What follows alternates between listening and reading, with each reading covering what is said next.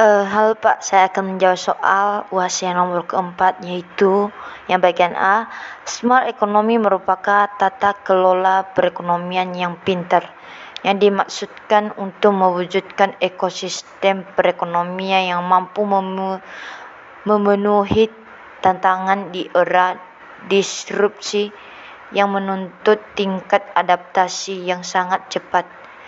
Era dis disrupsi ekonomi merupakan fenomena ketika masyarakat menggeser aktivitas-aktivitas ekonomi yang awalnya dilakukan di dunia nyata ke dunia maya.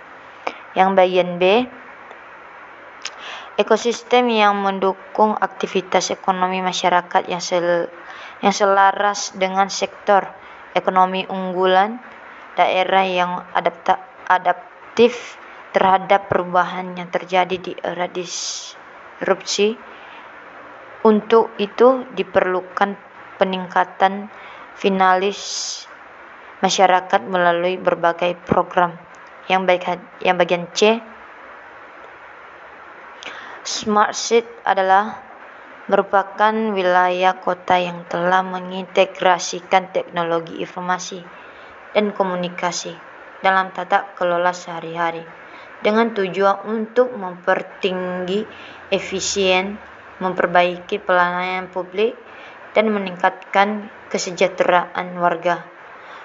Smart economy adalah ekonomi cerdas, mencakup inovasi dan persaingan. Jika semakin banyak inovasi-inovasi baru yang dikembangkan, akan menambah peluang usaha baru dan meningkatkan persaingan pasar usaha atau modal.